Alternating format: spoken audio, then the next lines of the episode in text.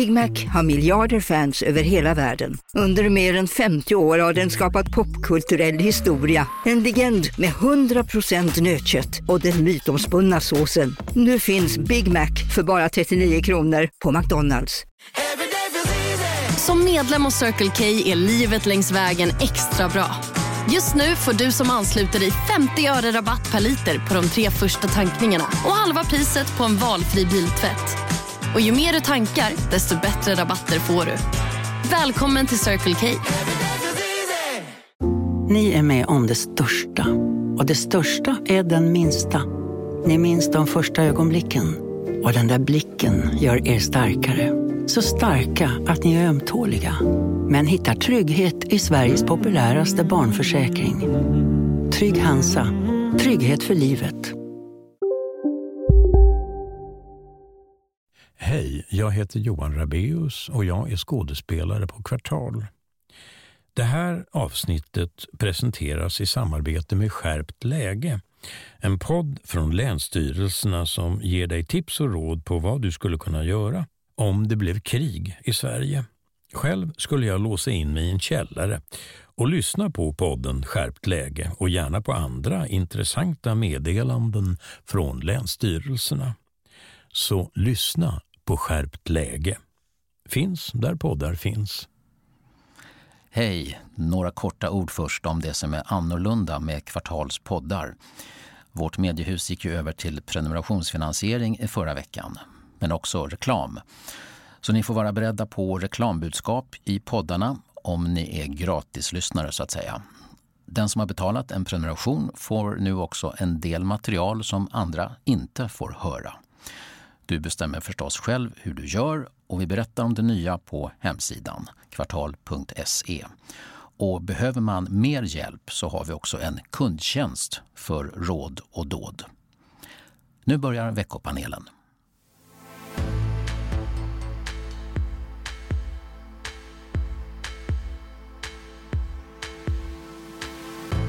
För att spara el släcker Laholms kommun nu två tredjedelar av gatlyktorna.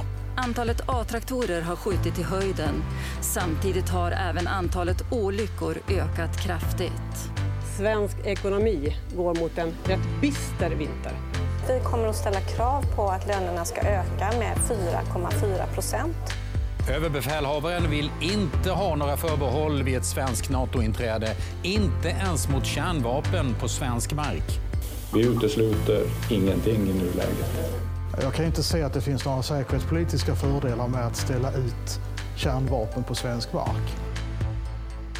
När en mörk och kulen vinter närmar sig släcker några kommuner delar av belysningen på gator och torg. A-traktorer, ibland svåra att skilja från vanliga bilar. Hur säkra kan de bli?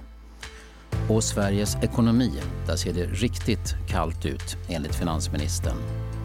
Då är det dags att takta upp kraven på löneförhöjning, säger industrifacken. Och säkerhetspolitiken, mycket allvarligt läge, säger ÖB. Och så fick vi en nygammal kärnvapendebatt på halsen. En timme om veckan som gick. Jag heter Staffan Dopping. Ja, välkomna till veckopanelen den första i november. Vi ska summera vecka 44 med den här trion. Lars Calmfors, välkommen hit. Tack. Eh, Håkan A Bengtsson från Arenagruppen, hej och välkommen. Hej. Och eh, debutanten Lars Leijonborg, idag rådgivare inom politik och samhälle, tidigare folkpartiledare. Välkommen hit. Tack för det. Vi har riktigt tunga saker att dryfta om en stund. Om den ekonomiska framtiden, om Sveriges säkerhet och uppbyggnad av militär förmåga. Men vi inleder med två kortare ämnen. Båda har med trygghet och säkerhet att göra. För att spara el släcker Laholms kommun nu två tredjedelar av gatlyktorna. Detta väcker starka reaktioner i kommunen och enligt polisen kan det här öka brottsligheten och otryggheten. Men så ser du på att det kan ske olyckor nu? Blir det en olycka så får vi absolut hantera den olyckan så som olyckan när den inträffar.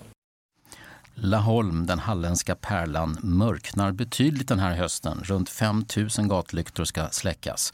SVT rapporterade och intervjuade moderata Laholmspolitikern Knut Slättengren som säger att han och andra som står bakom beslutet förstår att det får konsekvenser och säger att de utgår från att situationen ska vara bra.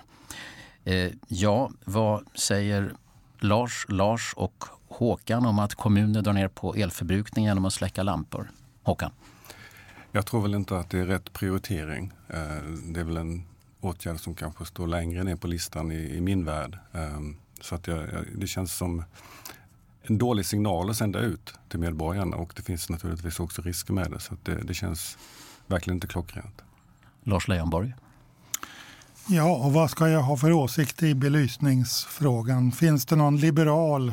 Det är ju en upplysningsfilosofi så att det borde jag ju ha, men jag tror jag söker i mitten. Jag tittade också igår på tv och där var det från Göteborg en kompromisslösning. Där skulle de dimra, eller dimma, vad säger man? Dimra. Dim, dimra ljuset och han utvecklade att det var bra för det var bra på alla sätt, så att jag tror jag hamnar i den mittenpositionen. Lars Calmfors?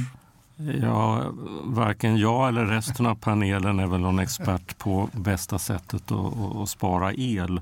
Men jag menar, det, det, var väl uppenbart från den här intervjun att eh, beslutet där i Laholm hade inte föregåtts av någon ordentlig analys om konsekvenserna och vilka metoder som, som är bäst. Jag såg också det här inslaget i, mm. igår i, mm. i tv och det finns ju andra möjligheter också. Att sänka inomhustemperatur i kommunernas lokaler, ha ja, badanläggningar och så vidare eh, öppna kortare tid. Men i Laholm verkade väl inte beslutet så där väldigt väl underbyggt. Det kan man väl lugnt säga. Men, men tydligen så uppfattar politikerna i Laholm att eh, det här svåra energiläget som vi kan vänta oss i vinter, då måste alla tänkbara sparåtgärder testas. Ja, det behöver ju sparas, eh, så, så, så är det ju förstås. Men frågan är var är det mest effektivt? Det är klart att man kan ju komma i akuta bristsituationer och då, då måste man ju ha en åtgärdslista naturligtvis. Eh, så den förberedelsen tror jag politiker, institutioner, kommuner, landsting, staten måste ha. Eh, så det ska man hålla öppet för tycker jag. Eh, vi har ju polis och brandkår, sa Laholmspolitikern i SVT-intervjun.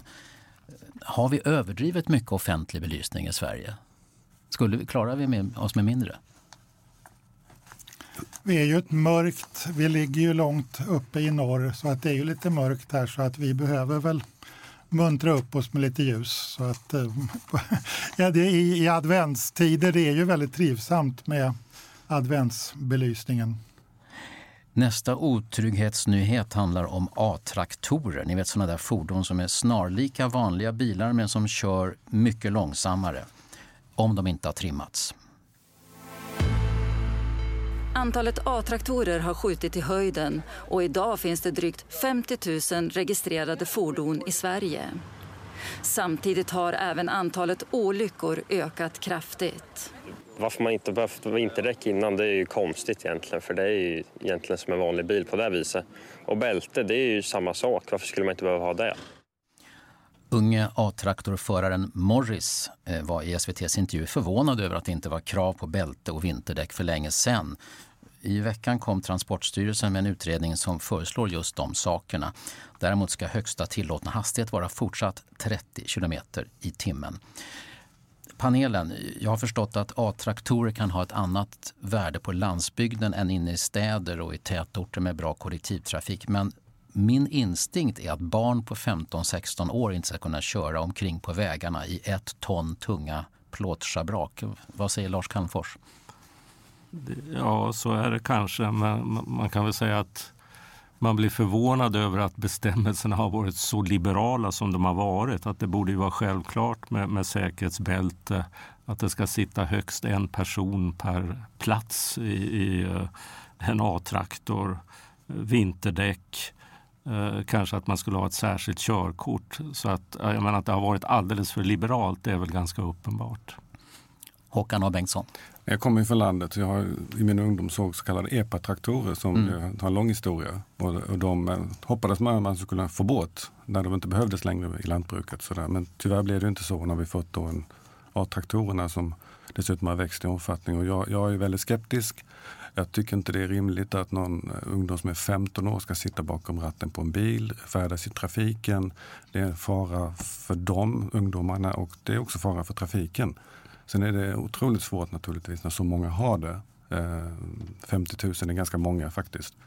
Eh, men det, det, det, är, en, det är en fara för, för både de som, som kör de här A-traktorerna och för annan bilism också. Det kallas ju alltså traktor. Alla kan ju se att det mesta mm. fordonet är en personbil. Mm.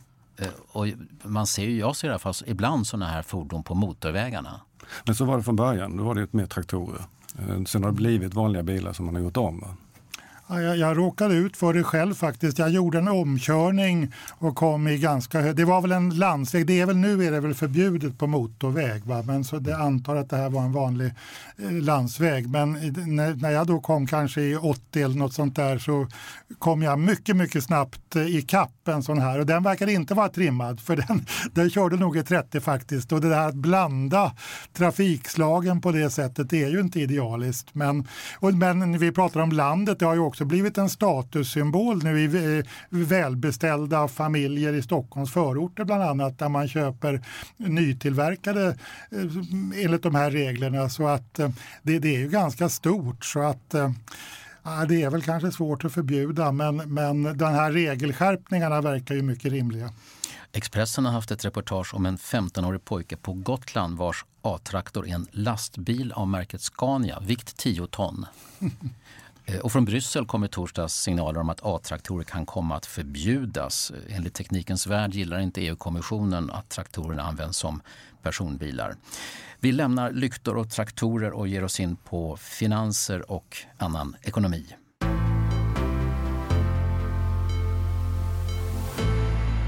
Det är en dyster bild som vi ser.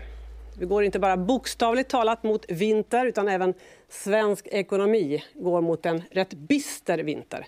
Så just nu är det bekymmersamt att inflationen är så hög. Och I den här prognosen så skriver regeringen upp inflationen. Då. Från Harpsund var det 3,2 men nu är bedömningen 5,9 för nästa år. Vilket naturligtvis är problematiskt. Finansminister Elisabeth Svantesson vid sin presentation i måndags Drygt en vecka innan hela budgetpropositionen lämnas över till riksdagen. Ja, nästa år blir ett lågkonjunkturår. Hushåll och företag kommer att pressas av högre kostnader och den svenska exporten kommer att tyngas av svag efterfrågan från omvärlden. Lars Leijonborg, hur blir det för Elisabeth Svantesson att hantera den här utmaningen i sin första budget som finansminister? Ja, hon kan ju trösta sig med att hon ändå har en del goda förutsättningar. Vi har ju som man brukar säga fundamenta, en del grundläggande saker i svensk ekonomi är ju väldigt starka. Sysselsättning och, och budget, budgetläge och sånt där. Eh, och eh, eh Även ja, bytesbalansen har visserligen minskat men den är fortfarande positiv och så vidare.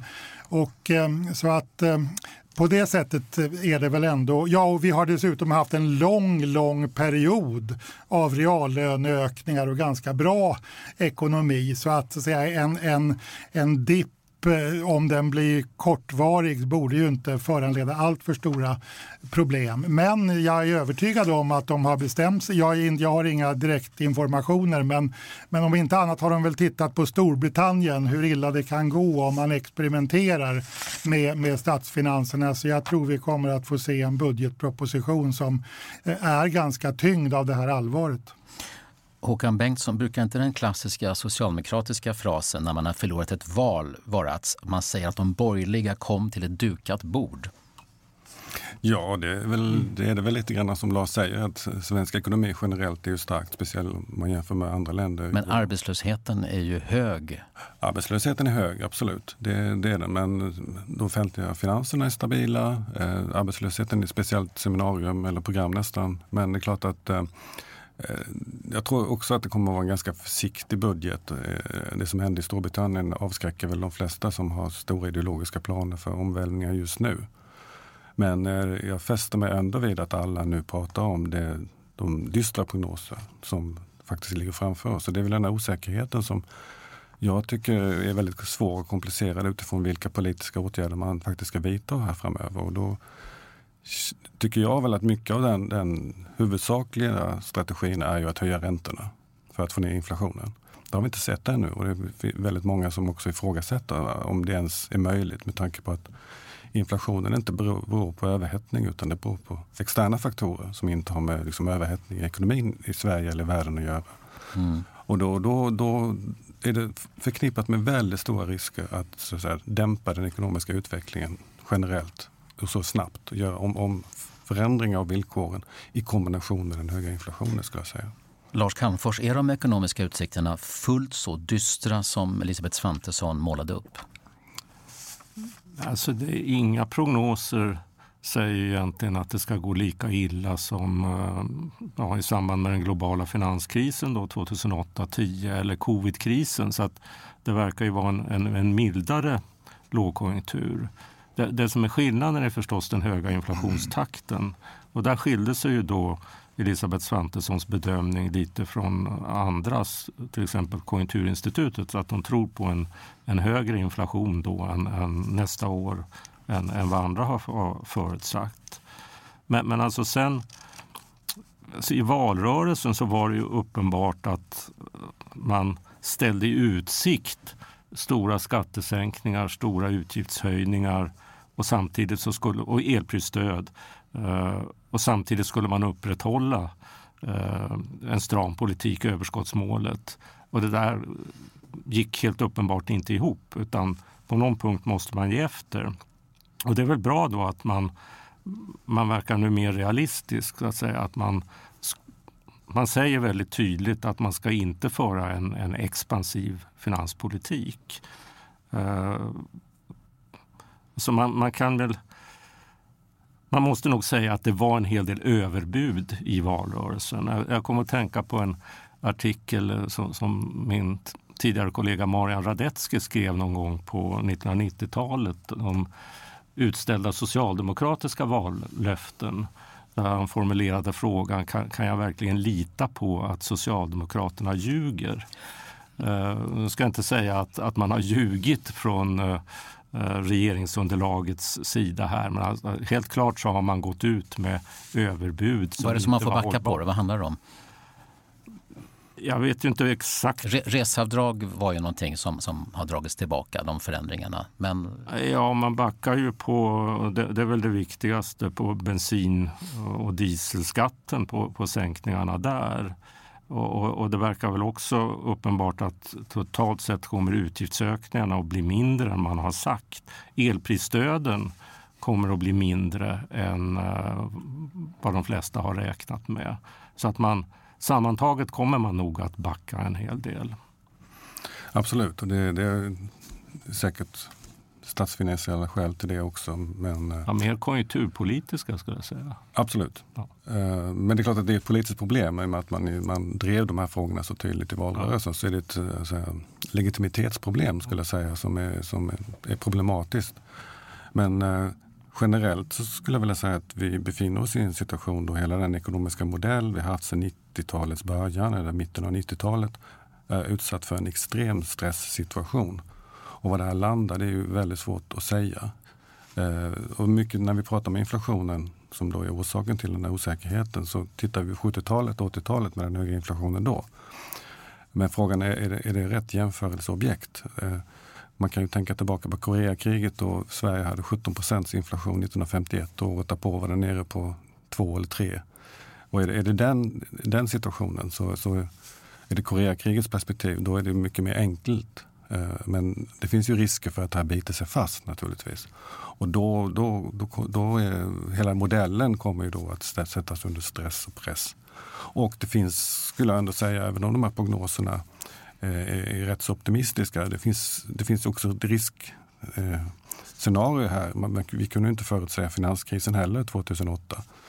Så att kombinationen av stora ekonomiska förändringar i form av inflation och höjda räntor hur det påverkar hushållen, företag, bostadsföretag och så vidare. Det är svårt att, förutsäga.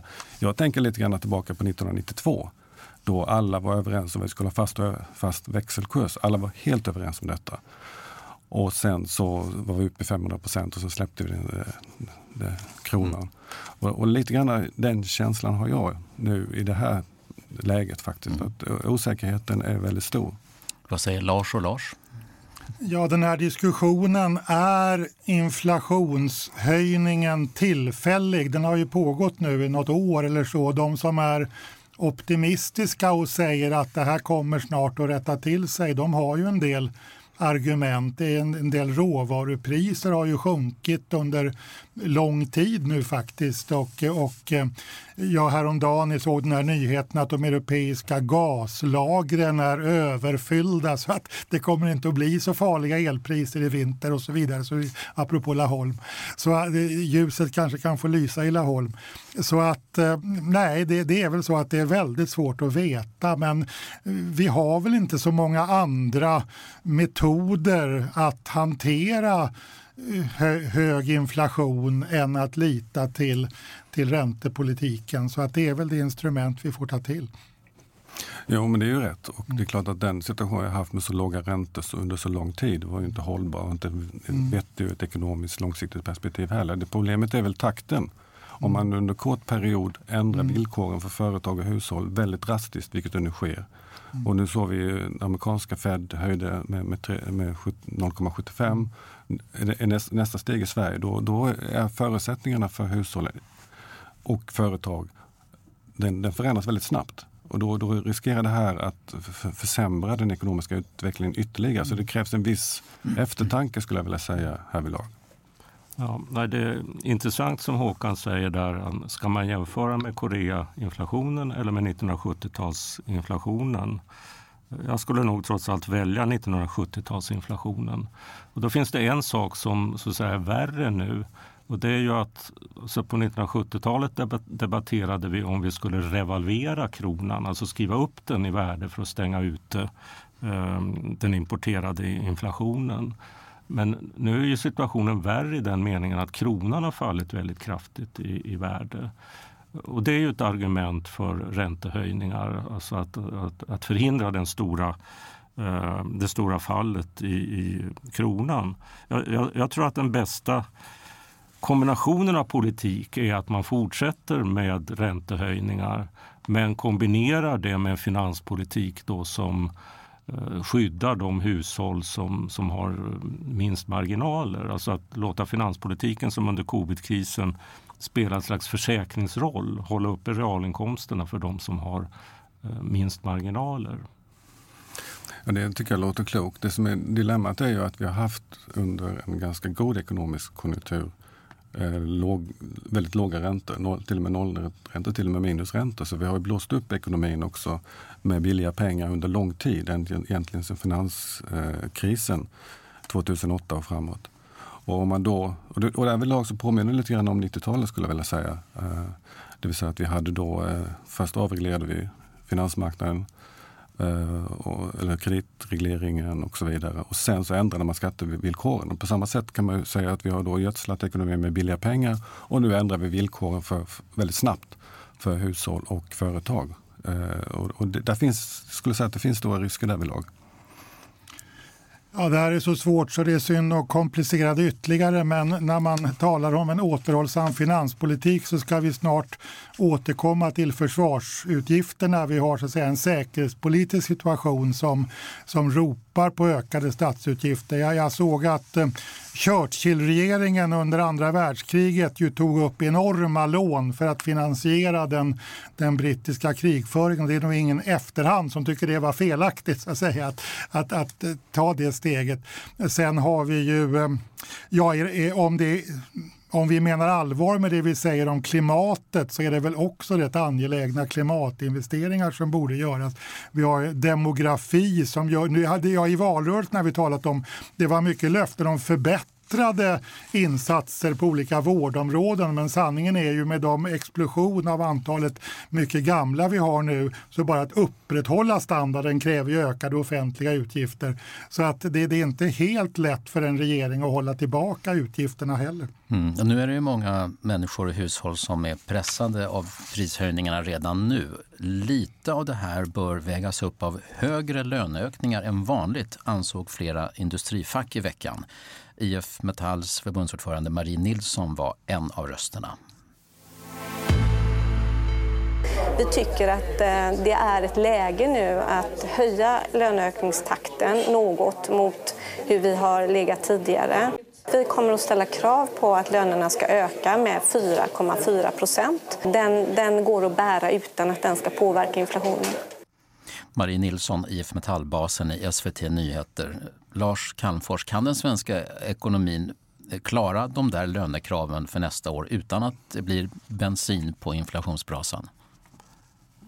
Alltså skulle det bli 4,4 procent och ovanpå det en löneglidning, säg på ja, kanske uppåt 1 procent, då skulle det ju vara för mycket. Men nu är det ju ingen som räknar, inte heller facken, med att de ska få igenom sitt eh, förhandlingsbud. Och då skulle jag nog trots allt säga att jag, jag, jag tycker att det här budet på 4,4 procent eh, som utgångspunkt i förhandlingarna var, var, ganska väl avvägt. Att å ena sidan inte bidra för, för mycket till inflationen men å andra sidan då så är ju det, det är ett väldigt högst vinstläge i, eh, i näringslivet, även om det är ojämnt fördelat. Det finns ett missnöje med att eh, prisstegringarna är så höga så att de sänker reallönerna då kraftigt, alltså med 5,5 kanske 6 procent. Mm. Och det som det också gäller att undvika det är det som hände på 1970-talet, alltså när inflationen då sköt fart 1974. Då blev det väldiga vinstökningar i företagen. Avtalen var faktiskt ganska modesta i förhållande till eh, prisökningarna. Men det som då hände blev att det blev stora eh, lönelyft i lokala förhandlingar. Det var ju de här historierna om att man, man ringde in till LO centralt från ombudsmännen eh, lokalt och sa att vi har begärt 3% men företaget kräver att vi ska få 6 vad, vad, vad ska vi göra? Och det blev ju stor löneglidning då. Det försköt lönerelationer och sen exploderade allting i avtalen därefter. Så att pressa ner löneökningarna för lågt i det här läget det är också farligt för det kommer att slå tillbaka längre fram. På tisdag så kommer budgeten i alla fall. Eh, till sist här, hur mycket paradigmskifte kommer det att finnas i regeringen Kristerssons första statsbudget? Den läggs ju fram bara tre veckor efter att den regeringen tillträdde. Mindre än i Tidöavtalet i alla fall, hoppas jag. Och det tyder på det vi har sagt också. Av rena tidsskäl, det är ju som du säger, det är ju några veckor man har på sig. Eh, att, så det, det, det är ju otänkbart att den här propositionen kommer att vara så dramatisk. Ja, jag skulle också säga att mycket mindre paradigmskifte än man har eh, förespeglat i, i valrörelsen. Och det kommer nog att bli en viss debatt om det. Alltså eh, inkonsistensen mellan vad man sa i valrörelsen och det som man nu gör. Och efter att ha avhandlat budget, inflation och sjunkande reallöner så tar vi oss an vår säkerhet. Här och nu och framöver.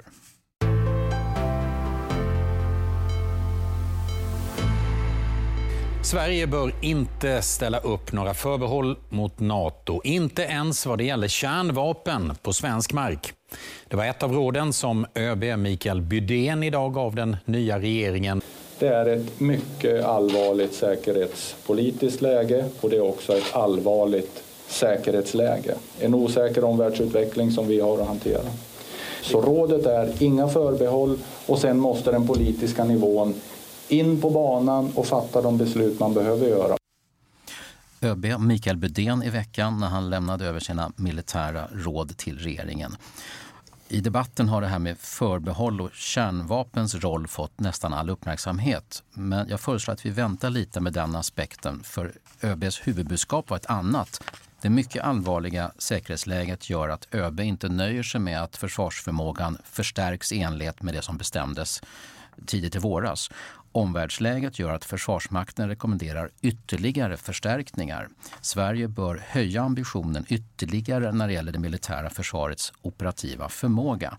Bland annat vill ÖB öka mängden omedelbart tillgängliga förband. Okej hörni, gänget! Vad är vårt motto? Allt är inte som du tror! Nej, allt är inte alltid som du tror.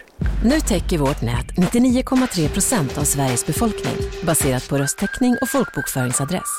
Ta reda på mer på 3.se eller i din 3-butik. Hej, Susanne Axel här. När du gör som jag och listar dig på en av Krys vårdcentraler får du en fast läkarkontakt som kan din sjukdomshistoria. Du får träffa erfarna specialister, tillgång till lättakuten och så kan du chatta med vårdpersonalen. Så gör ditt viktigaste val idag, lista dig hos Kry. Hej, Synoptik här. Livet med glasögon ska vara bekymmersfritt. Därför får du 30% på alla glasögon när du väljer Synoptik All Inclusive. All service ingår alltid. Välkommen till Synoptik. Vad säger ni om det här? Hur, hur uppfattar ni ÖBs ord? Eh, lite överraskande måste jag säga. Eh, vi, hade ju, vi har ju nedrustat under lång tid. Jag har personligen tyckt att det har gått alldeles för långt. Eh, vi hade nästan 3% av BNP i försvarsutgifter i början av 70-talet. Men då var vi inte medlemmar i NATO. Det var inte ens på dagordningen. I, i ett NATO-medlemskap som förmodligen kommer att realiseras ganska snart så har vi ju ändå en överenskommelse med om Modellen är ju 2% av BNP, vilket vi nu redan har beslutat om. Eh, och poängen med att vara, en del av en försvarsallians är ju att vi, vi, vi kan räkna med ett, ett, ett, militärt eh, stöd och uppbackning eh, från Nato helt enkelt. Så jag förstår faktiskt inte riktigt det resonemanget måste jag säga. Det som på kort sikt är allra viktigast det är ju att Ukraina får möjligheter att i så hög utsträckning som möjligt vinna det här anfallskriget som Ryssland har påbörjat på Ukrainas territorium. Och det kostar ju väldigt mycket pengar. Och alltså, det, USA har ju hittills dragit det absolut största lasset. Men, men, och där måste ju Europa steppa upp och Sverige är en del av det. Och jag, jag hoppas verkligen den här nya regeringen, och det tror jag de gör, tänker att ta ett ännu större ansvar. Och om man då, då, då är det väl så att på, återigen på kort sikt, så länge Ryssland är i ett fullt krig mot Ukraina så börjar man väl knappt knappast något ordentligt krig mot något annat land. Eh, men om Ukraina-kriget slutar med någon slags utgång där Ryssland ändå kommer hyggligt ut, då är ju hotet att de ska gå vidare mycket stort. Så därför tycker jag ÖB gör rätt i att måla upp det här scenariot. jag har ju svårt att förstå att eh, så de behov av, av, av, ökad förmåga som jag tror är, är säkrast att ha framöver. Att det kommer att rymmas inom en, den här 2 gränsen. Alltså det här med vapensystem med lång räckvidd kostar. Eh, obemannade vapensystem kostar. Luftvärnssystem ser vi ju i, i Ukraina, alltså behovet av, verkligen av. Och, jag menar, skulle det bli en konflikt mellan Nato och, och Ryssland så eh, är det väl det vi skulle kunna bli berörda av. Det är väl inte en invasion utan det är väl i så fall eh, robotangrepp. Eh, och då behövs det luftvärnssystem. Personalförsörjningen är ett stort, stort problem. Krigsbasering av flygstridskrafter är någonting som ja, man har underskattat behovet av under lång tid i Sverige. Så jag har inga som helst problem med att förstå att man nog måste på sikt tänka sig att vi ska ha över 2% om vi ska bygga upp en tillräcklig egen förmåga. Mikael Bydén sa att politiken måste upp på banan. Och I ett av dokumenten som Försvarsmakten överlämnade i tisdag så står det att det är en förutsättning att politiska beslut fattas i snabb takt för att inte fördröja den nödvändiga tillväxten av operativ förmåga. Och så läggs det till det är av vikt att det finns en politisk beredskap att fatta nödvändiga beslut. Det här låter ju nästan som självklarheter men jag anar ett budskap mellan raderna här. Lite som att ÖB upplever att det finns en klar risk att den politiska nivån, alltså regering och riksdag, kanske inte riktigt har den här höga beslutsberedskapen som enligt ÖB är ett måste.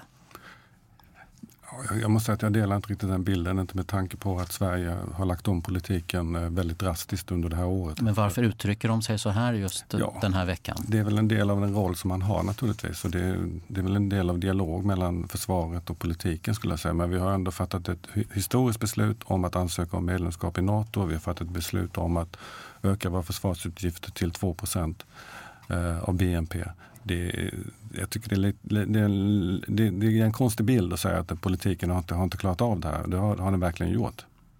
En sak som man kan bli, bli förvånad över är väl att eh, det, det, är Försvarsmakten som har sagt att eh, det är väldigt svårt att snabbt öka eh, försvarskostnaderna. Eh, alltså från det politiska hållet har man ju velat gå fram snabbare. tidigare har försvar, Försvarsmakten sagt att vi kan inte komma upp till 2% av BNP förrän 2028. Nu säger man 2026 därför att allting har då blivit dyrare. Det är intressant. Inflationen kan göra att det ser ut som att operativ förmåga byggs upp snabbare. Men Precis. det är naturligtvis förmodligen en, eh, en synvilla lite grann. Ja, men jag var lite inne på det där också att eh, det är nog andra begränsningar än den politiska beslutskapaciteten. Det är det här att människor måste byta yrkesbana och börja utbilda sig till de här yrkena istället. Försvarsindustrin måste få beställningar och börja tillverka samtidigt som det just nu är en enorm konkurrens eftersom Ukraina behöver prylarna och ett antal andra länder också har bestämt sig för att rusta upp. Så att det, men det har ju talats om då vilket år vi ska nå det här enprocentsmålet, eller förlåt tvåprocentsmålet. Och då var det väl några partier i den nuvarande majoritetskonstellationen som menade att det skulle vara fort än 26, Precis. nämligen 25. Men det har jag inte riktigt eh, hört så mycket om efter valet. Det kanske ligger i det här nedtonade paradigmskiftet som vi talade om på förra punkten. Men, men ja, jag håller nog inte med om att politiken inte har beslutskraft på det här området. För jag tycker man på senare år ändå har gjort väldigt mycket. Vad man däremot ska ta fasta på är ju att vi befinner oss i ett läge som vi inte har varit med om eh, sedan andra världskriget i, i Europa. Och det, det, påverkar Sverige och alla andra europeiska länder. Bara det faktum att vi har detta fruktansvärda krig och vi har en, en, en, en ledare i, i Ryssland som vi faktiskt inte riktigt kan förutsäga vad han, vad han tar, tar sig till i nästa steg. Och vi, det finns också, det visar historien, risker för att det här får spridningseffekter eh, av ganska oförutsedda skäl och orsaker. Jag menar, nu har vi de senaste dagarna bara kunnat konstatera att Nordkorea skjuter ytterligare missiler och mobiliserar längs gränsen. Alltså det, det, det, sådana här händelser, drastiska händelser i politiken i världen kan, kan få saker hända som man absolut inte kunde tänka sig för nio månader sedan. Till frågan om kärnvapen då. ÖB nämnde inte själv ordet kärnvapen när han mötte pressen i tisdags men när han sa att hans råd var att Sverige skulle helt avstå från förbehåll inför NATO-processen så menade han allt och det framgick att kärnvapen ingick i det som vi inte borde sätta upp villkor om. Och på Nordiska rådets möte i Helsingfors gav statsminister Ulf Kristersson uttryck för samma sak. Eh, han uppträdde tillsammans med eh, statsminister Sanna Marin. Och reaktionen från Socialdemokraterna här hemma blev den här. Morgan Johansson är numera partiets utrikespolitiska talesperson. Jag kan inte se att det finns några säkerhetspolitiska fördelar med att ställa ut kärnvapen på svensk mark. Eh, och det har ju heller inte Norge och Danmark tyckt. De har ju haft sådana här förbehåll i, i alla år under den, den period som de har varit medlemmar i, i Nato. Och jag tycker att vi ska gå hand i hand med, med Danmark och, och Norge här. Morgan Johansson, socialdemokratisk talesperson i utrikespolitiska frågor. Ulf Kristersson tycks ju vilja gå hand i hand med Finland som har ansett att det är bäst att inte ha förbehåll gentemot Nato. Nej, säger Morgan Johansson. Gå hand i hand med Danmark och Norge istället. Eh, det har ju låtit i många månader här hemma som att det har varit en försvarspolitisk borgfred i svensk politik. Men nu är det någon slags kärnvapenfnurra. Vad, vad ligger bakom det här? Ja, det, det, det, är faktiskt en bra fråga tycker jag. Ehm, jag tycker det är lite problematiskt att driva en sån här fråga en, enskilt från regeringen utan att ha kontakt och förankra hos oppositionen. Jag tror att den här typen av extremt strategiska överväganden måste det finnas en bred enighet om. Och det har det funnits historiskt kring försvarspolitiken och även kring NATO-ansökan så, så blev det en enighet, vilket är en stor styrka för ett land som Sverige. Det är en, det är en otroligt laddad fråga att utstationera kärnvapen i Sverige på svensk mark, det måste jag säga. Och eh, jag tror också att det ligger väldigt mycket i det Morgan Johansson säger, att det, det finns inga säkerhetspolitiska vinster med att göra det, som, som, som läget ser ut nu. Lars Leijonborg? Jag har inte tänkt så jättemycket på detta. Jag har väl levt i tron att Natos bedömning är att det inte tillför så mycket att ha kärnvapen i Norden därför man tycker att man har den kapacitet man, man behöver. Å andra sidan så vi, vad gäller vår NATO-process så startar vi ju rätt mycket på minus eftersom många länder i all den alliansen tycker att Sveriges, som vi sa, neutralitetspolitik eller alliansfrihet har varit ett svek. Och, då, och, och, och att ju, ju mindre grus i maskineriet vi kastar in, desto bättre är det. Och det är väl också, det är väl väldigt bra att vara, det har varit rätt mycket falskspel vad gäller vårt NATO-samarbete under årtionden. Och på samma sätt nu så ska vi väl inte inbilla oss att vårt NATO-medlemskap inte innebär att vi sätter värde på att vara i Natos kärnvapenparaply. Det, är väldigt viktigt att vi gör klart för svenska folket att NATO-medlemskap, en av de stora fördelarna är att vi är under kärnvapenparaplyet. Och att då omedelbart meddelat att ja, men vi vill inte själva bidra till det tycker jag vore opsykologiskt. Det är i alla fall min spontana reaktion. Lars Calmfors, vad säger du om den här kärnvapendiskussionen som blossar upp igen? Ja, jag har väl också uppfattningen att det skulle inte tillföra så mycket och jag tror att man ska vara, som Håkan säger, jag tror att man ska vara rädd om den så här, enighet som ändå växte fram om NATO-medlemskap och, och, inte så här, äventyra den med att få en, en uh, diskussion om, om kärnvapen.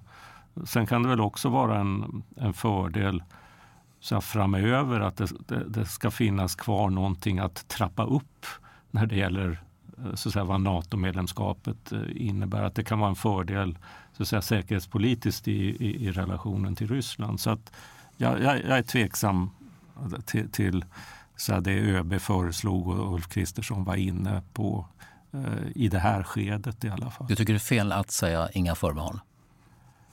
Eh, jag, tycker in, jag, jag, jag, jag, är nog snarast inne på linjen att vi skulle agera som Danmark och Norge på det här stadiet. Ska vi släppa den här hand i hand, skuldra vid skuldra med, med Finland då? Ja, det blir ju konsekvensen just i det avseendet. På tisdag så ska Ulf Kristersson träffa president Erdogan i Turkiet. Otroligt känsligt läge just nu när det handlar om NATO-processen. Kan den här frågan få, få en betydelse som, som förändrar läget? Inte kärnvapen. Jag har svårt att se att det påverkar den, den, eh, den dialogen med Erdogan. Det, det, kan jag inte tänka mig. Utan det är några andra saker. Men det är en ordstrid då mellan regeringspartiet Moderaterna och det förra regeringspartiet Socialdemokraterna i den här frågan just nu. Jag har svårt att tänka mig att han bryr sig speciellt mycket om det. Han har andra saker på sin agenda, skulle jag tro. Men en, en sak som jag möjligen saknade där i eh, ÖBs eh, eh, inlägg är ju att det är ju fullt möjligt att vi under lång tid kan hamna i ett slags mellanläge där vi så är på väg in i Nato men vi inte släpps in. Men vi vet ju inte vad, om Erdogan gör några uppgörelser eh, i, i slutna rum med, med, med Putin om att eh, för att få vissa fördelar Ehm, så ska han fortsätta att säga nej till Sverige. Så att det, vi borde ju ha någon form av beredskap. Hur ska vi agera? Och hur ska vi förhålla oss om vi blir hängande i det här mellanläget? Det har inte särskilt mycket diskuterats hittills. Ja, fast där får man väl ändå ge en eloge till den avgående förra regeringen att, att eh, de här säkerhetsgarantierna man, man har fått med ett stort antal viktiga NATO-länder, Eh, de, de tjänar väl ändå ett, eh, ja, oss ganska väl. Så att eh, på det sättet har väl risknivån för ett, att vi skulle stå helt isolerad minskat. Men jag vill ju apropå mitt förra resonemang ändå också instämma med det den andra Lars och Håkan säger att den inrikespolitiska enigheten i NATO-frågan naturligtvis just nu är extremt viktig. Så på det sättet är det kanske lite olyckligt att ÖB kastar in den här förbehållsfrågan. Men, men jag håller också med om att jag tror inte att Erdogan bryr sig ett skvatt om just Nej. den. Och det, det känns ju som om Erdogan har en helt så att säga, egen agenda som nog är väldigt svår. Att det är nog möjligen amerikanerna som kan påverka den. Men att Ulf Kristersson ska kunna övertala honom, det har jag mycket svårt för att tro. Ett lands säkerhet är ju inte bara soldater och vapen, det är civilt försvar också. Hela samhället måste ha en styrka och robusthet. Och I veckan kom en rapport om civilförsvaret och svensk beredskap.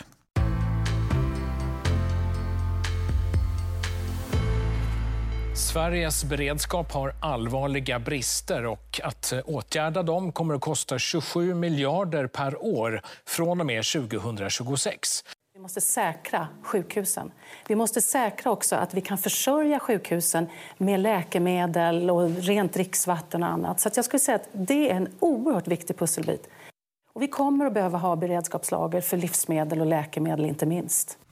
Charlotte Petri Gornitska är generaldirektör för MSB, Myndigheten för samhällsskydd och beredskap. Hon var intervjuad av SVT. 27 miljarder kronor per år för att rätta till det som har avskaffats eller som beslutsfattarna fram till nu har ansett att vi klarar oss utan. Vilka reflektioner har ni om det här? Ja, vi har ju varit oerhört naiva, alltså inte bara när det gällde nedrustningen av det militära försvaret men också civilförsvaret. Så att eh, det kommer att kräva stora insatser när det gäller beredskapslager, redundans när det gäller energisystemet och, och så vidare. Vad säger du om prislappen, 27 miljarder per år? Eh, jag kan inte bedöma den exakt men att det måste komma att kosta betydande belopp. Det är ju 70 procent av vad det militära försvaret hade för, ja, för, för, för, några år sedan, för några år sedan i, i, i budget. Ja, det motsvarar ungefär en halv procent av BNP. Det låter inte som en orimlig siffra på mig. Vad säger andra? Nej, men det gick ju för långt ehm, med nedrustningen av det militära försvaret eh, efter 1989. Och med det skedde ju också en nedmontering av civilförsvaret. Och det är ju också en, så att säga, en grund för att ett land ska kunna klara sig och, och försvara sig. Så att eh, jag kan inte bedöma prislappen men att allt från skyddsrum till andra stödsystem. Eh, det, det, det, är något som inte har funnits på den politiska agendan överhuvudtaget. Det har växt fram under senare tid och nu är vi i ett akut läge naturligtvis. Eh, så att, ehm, det är då som debatten kommer. Som vanligt. Mm. Jo, det, det, behövs säkert detta. Och det, vi, hon nämnde från 2026, vi har ju talat om finanspolitiken här tidigare och sta, behovet att begränsa vissa statliga utgifter. Men bara under resten av samtalet så har vi satt sprätt på en hel del. Och, och även detta tror jag kommer att behövas. En specialfråga där är ju det här med beredskapslager. Ett skäl att starta EU det var ju att länderna skulle bli så invecklade, in, eh, in, insvepta i varandra att krig skulle vara omöjligt dem emellan. Det som hände när vi fick den här eh, vaccindebatten under covid det var ju att det visade sig att solidariteten mellan EU-länder var inte riktigt det man hade kunnat hoppas på. Så att det där blir, blir en fråga Kommer vi att kunna lita på solidaritet från andra EU-länder när det gäller en del beredskapsgrejer, eh, beredskapslager framför allt? Eller måste varje land ha, ha, ha, fulla beredskapslager? Ska man ha det, då blir det väldigt dyrt. Mm. Och I morse sa civilförsvarsminister Carl-Oskar Bolin till Sveriges Radio att civilplikt Eh, ska återinföras i en eller annan form. Civilplikt innebär att svenska medborgare kan få rycka in till exempelvis sjukvård eller räddningstjänst vid höjd beredskap eller krig. Civilplikten har varit vilande sedan 2010. Vad säger ni om det här? Jag bara påminner om att vi på Arenagruppen har eh, kommit med ett liknande förslag för två, tre år sedan om, om en slags medborgartjänst som också skulle innefatta civilförsvarsträning.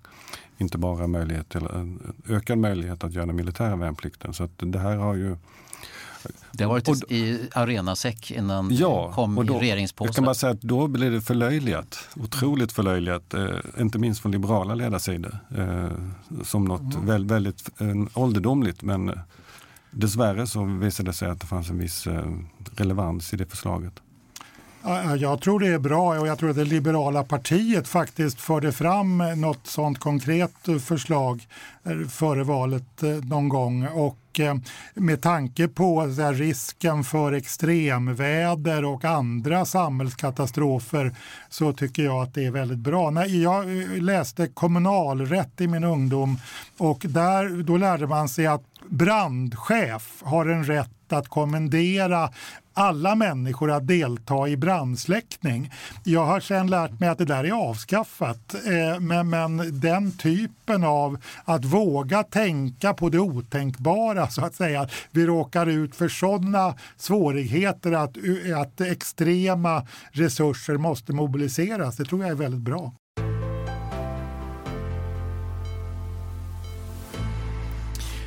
Vi gör ett snabbt tådopp i svensk partipolitik. Opinionsläget. Snart är det två månader sedan riksdagsvalet. Socialdemokraterna gick framåt men förlorade regeringsmakten. Sverigedemokraterna blev landets näst största parti. Men i torsdags kom det en ny opinionsundersökning, SVT Novus.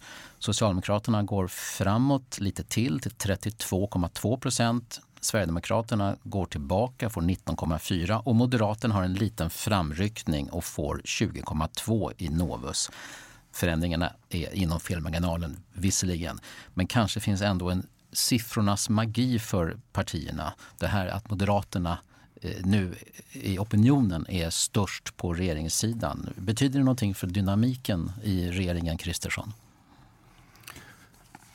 Om jag får börja så, så tror jag inte det. Alltså det, det är ju, eh, näst, ska, ska, du ta upp det här ämnet varje gång under de närmaste fyra, varje månad de närmaste fyra? Ja, ja, ja, men det, det, är så långt till nästa val att opinionsmätningar känns ju väldigt ointressanta. Men jag håller, jag, efter att ha varit, levt ett långt liv i politiken så vet ju jag att opinionsmätningar har betydelse för den interna stämningen. Jag tror inte att ni är lika nej, kyliga på nej. insidan som, som ni brukar nej, visa publiken. Men en månad efter valet kan man ändå vara ganska kylig. Det, det är värre en månad före valet kan jag säga. Ja.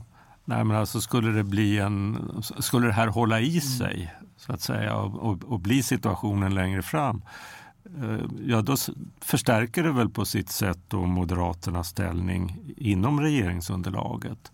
Men sen finns ju en annan sida av det hela. att eh, eh, Kan det få Sverigedemokraterna att radikaliseras om de går tillbaka? Då kan de ju bli en svårare samarbetspartner föreställer jag mig. Jo, det finns ju absolut ett scenario där, men då talar vi inte om om decimaler utan vi, vi pratar om, om många procent. Skulle det bli så att säga, en dansk utveckling, där, alltså dansk folkeparti som ju ofta jämförs med Sverigedemokraterna har ju brutit samman totalt. De fick 2,6 procent ja, i valet. Ja, skulle det visa sig. Men de sitter att, kvar i Folketinget. Ja, att, att Tidöavtalet leder till en opinionsmässig kollaps, kanske i förening med att Jimmy Åkesson lämnar eller något sånt där. Då kan det väl bli eh, helt nya förutsättningar. Men det kommer kommer ändå att ta ett tag tror jag. Nej, det är för tidigt att avgöra naturligtvis. Men på, på kort sikt så tror jag att eh, kanske Kristerssons ställning i sitt eget parti, han har lyckats att bilda en regering under ganska svåra förhållanden eh, och har nu ett ökat stöd. Så att hans liksom, legitimitet ökar säkert genom det här, inte minst i de egna leden. Men sen så tror jag att det kommer bli en väldigt eh, turbulent resa. Och risken är väl att om Sverigedemokraterna, som du är inne på Lars, om de försvagas ytterligare då kommer de kanske höja tonläget för att, för att återta en del av de här förlorade rösterna. Så att, eh, det, det är början på en lång resa som kommer säkert att vara ganska hoppig. Finns det något mer att säga om, om det danska valet? Eh, där får ju sannolikt Socialdemokraterna fortsätta styra. Socialdemokratiet gjorde sitt bästa val på 21 år, 27,5 procent. Alltså, säger den danska valutgången någonting om socialdemokratiska partier i allmänhet? Ja, de, de, det är för tidigt att räkna ut dem i alla fall, det kan man ju säga. Eh, och det gäller både det svenska valresultatet och det danska. Och sen är det väldigt speciella förhållanden på, i bägge länderna. Men det, det mest uppseendeväckande är ju att den, den, stora splittringen på den borgerliga kanten är ju uppseendeväckande med två partier som får tror jag 17 procent. Eh, och de fanns inte för ett år sedan i stort sett. Så att eh, splittringen på den borgerliga sidan är ju också remarkabel och Socialdemokraterna har väl i stort sett eh, ja, mer än dubbelt så mycket än det traditionella borgerliga partiet Vänstre i väljarstöd. Mm. Det, det, är klart att det, det stärker ju då eh, Socialdemokraterna som ett någorlunda stabilt möjligt regeringsparti. Och det är klart det, det var säkert därför hon vann valet också. För att det fanns två eller möjligen tre borgerliga statsminister, statsministerkandidater. Och, eh, och det fanns en på den andra sidan. Borgerlig splittring, det är ett gammalt favoritord från socialdemokrater i, i alla länder. På säga. Det återkommer. ja, det, det, finns ju mycket att förvånas över i dansk politik. Jag menar att uh, man kan heta vänstre och, och, när man egentligen borde heta högre. Mm. Uh, och att man kan starta nya partier så lätt och, och att de får framgång. Mm. Eh, eller att eh, man bör heta Rasmussen om man ska vara en ledande politiker. Man har haft eh, tre statsministrar som har hetat det. Så att Danmark är nog väldigt olika Sverige. Ja, man kan ju lägga till att eh, tv-serien Borgen så startade ju eh, huvudpersonen där, jag tror det är Birgitte Nyborg. Va? Hon startade ett förslag, parti som heter De Moderate. Och nu har Rasmussen skapat Moderaterna och fått 9,3 procent eller något sånt där. Det är ganska remarkabelt ja. och intressant. Ja, eh, det har varit lite uppmärksamhet på att Bengt Westerberg har sagt att han inte ska rösta på Liberalerna men det är klart det är något annat. Eh, det, här som eh, Lars Löcke har gjort det påminner ju om lite den ståndpunkten att, att förorda att ett borgerligt parti, att, att Liberalerna måste vara mer inställda på en mitt mittenlösning inklusive Socialdemokraterna. Så det är ju ganska sensationellt att han, att han lyckas så bra som han, han gjorde. Men får jag ändå kombinera det där med svensk inrikespolitik. Jag tycker det är ganska uppseendeväckande när det gäller att Magdalena Andersson säger att när det kommer till Tidöavtalets kriminalpolitik och migrationspolitik har hon inga invändningar. Det är ju verkligen en dansk, den danska linjen så att Socialdemokraterna frikopplade från MP och V, i någon mån C, eh, är redo att gå mycket långt eh, i, i migrationspolitiken. Det tycker jag är intressant. Och här är den punkt i veckopanelen där det är dags att säga tack och hej till er av våra lyssnare som ännu inte är prenumeranter. Det sista ämnet i veckopanelen är en sak bara för de som prenumererar. Det tycker jag att alla ska överväga att börja göra. Då får ni också läsa alla våra artiklar. Exempelvis Lappo Lappins grävreportage om kända samhällsdebattören och föreläsaren Nina Rung. En tidigare text beskriver hur hennes experttitlar möjligen vilar på tämligen lös grund. Och I den senaste artikeln beskrivs hur Brottsförebyggande rådet satsade en kvarts miljon kronor på att utvärdera Nina Rungs metod för att motverka våld i nära relationer, benämnd huskurage. När resultatet blev tummen ner satsades 400 000 kronor på en ny utvärdering. Då blev resultatet svagt positivt, men det byggde på en felräkning. Ni får inte missa Lappolappins avslöjande om att också en högskola kan ha svårt för matte. En annan intressant text är av Henrik Höjer. Vi får ofta höra hur djup pessimismen är bland världens unga. Men stämmer den bilden? Inte alls, skriver Henrik Höjer. Generation Greta ser ljust på framtiden. Fredagsintervjun. Efter att ha levt 25 år som missbrukare hittade Victor de Almeida kraften att börja ett nytt liv. Han utbildade sig till behandlingsterapeut och hjälper nu unga män som har fastnat i missbruk och kriminalitet. Även om han förstår varför pendeln har svängt mot hårdare tag och skärpta straff ser han en stor risk för att följden blir en stegrad konfliktnivå. Vi kommer se mer kravaller och upplopp, säger Victor de Almeida till Jörgen Wittfeldt i fredagsintervjun. Det finns annat också på kvartal.se och fundera en gång till på om ni inte ska slå till med en prenumeration på Kvartal. Och snart kommer också Kvartals årsbok Mer om den berättar vi om ett par veckor. Tack för att ni lyssnade. Trevlig helg.